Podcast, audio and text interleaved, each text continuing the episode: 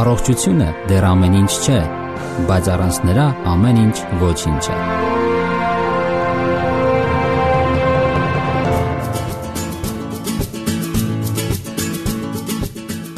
Բարև ձեզ սիրելի ռադիո լսողներ։ Եթերում առողջ ապրելակերպ հաղորդաշարն է։ Իհարկե, անհնար է պատկերացնել երկիր մոլորակը առանց արեգակի։ Առանց արևի լույսի երկիրը կվերածվեր սառցե, անկյանք տիեզերական մարմնի։ Մեր մոլորակի վրա ամեն մի կենթանություն, մարդիկ, կենթանիները, բույսերը ապրում են արևի լույսի շնորհիվ։ Արևը էներգիայի պաշար է, լույսի, ջերմության ու շարժման աղբյուր։ Դեռևս հին եգիպտացիները գիտեին նրա ճառագայթների ապակինող ուժի մասին, ուժ, որն ընդունակ է կյանքի կոչելու մարմինը եւ միտքը։ Ասենք, որ արևի լույսը հսկայական խթանող ազդեցություն ունի մարդու զարգացման ու նրա վարքագծի վրա։ Նկատվել է, որ ամպոտ, մառախլապատ եղանակը մարդկանց մեջ առաջացնում է բացասական հույզեր ու մռայլ տրամադրություն, բայց բավական է արեգակը ճառագի սևամպերի տակից ու ժպտա եւ շրջապատում ամեն ինչ կենթանանում է, առույգանում, կարծես լիցքավորվում է դրական էներգիայով։ Արևի լույսը արագացնում է արյան շրջանառությունը, ուժեղացնում է էրիթրոցիտների կամ արյան կարմիր գնդիկների հոսքը, ակտիվացնում սրտի աշխատանքը, միտքը դառնում է ավելի պայծառ ու սուր։ Արևի ճառագայթների ազդեցության տակ մաշկի մեջ առաջանում է վիտամին D, որն անհրաժեշտ է կալցիումի եւ ֆոսֆորի յուրացման համար։ Երբ օրգանիզմը թուլացած չէ հիվանդություններով եւ բավարար քանակի սննդանյութեր է ստանում, նա ընդունակ է արևի լույսի սպեկտրից ընտրել այն գույնը, որ անհրաժեշտ է իրեն։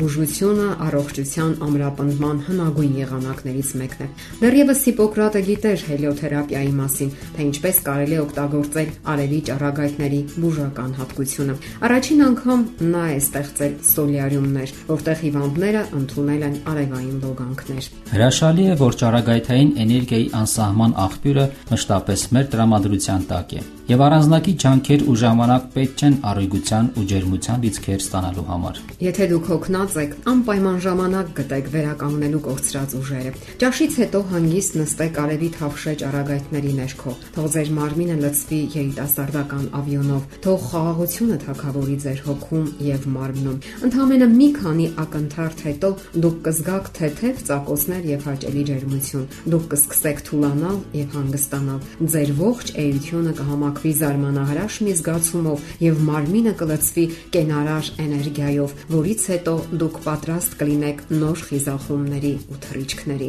Արևի լույսը լավագույն միջոցներից է նյարդային խանգարում ունեցող մարդկանց համար, ովքեր մշտապես տագնապահար, հոգսաշատ են, անհանգիստ ու ստրեսային լարվածության մեջ։ Արևի փաղաքուշ ճառագայթները նրանց կտան այն, ինչին ծարավ են նրանց ձգված լարված նյարդերը՝ հանգստություն։ Երբ մարդու մերկ մարմինը արևի տակ է, միլիոնավոր փոքրիկ նյարդային վերջավորություններ կլանում են ճառագայթները եւ սնում նյարդային համակարգը։ Արագակի ուլտրամանուշակագույն ճառագայթները շատացնում են արյան սպիտակ գնդիկները, լեյկոցիտները, որոնք պատասխանատու են օրգանիզմի իմունիտետի համար, պայքարելու ամենատարբեր վարակների դեմ եւ առողջացնելու օրգանիզմը բնական ճանապարհով Ինչպես գրում է դոկտոր Էրալ Թոմասը, այդ փոքրիկ սպիտակ ավերածները մեր մարմնի իսկական պաշտպաններն են։ Ոչ մի ախտածին բացիլ չի կարող երկար գոյատևել առողջ արյան մեջ սպիտակ մարմնիկները պարզապես բսկտում են նրանց եւ մարսում։ Արևայրուքը լավ է ստանալ էկոլոգիապես մաքուր տեղում։ Ցանկալի է չոր կլիմայի պայմաններում։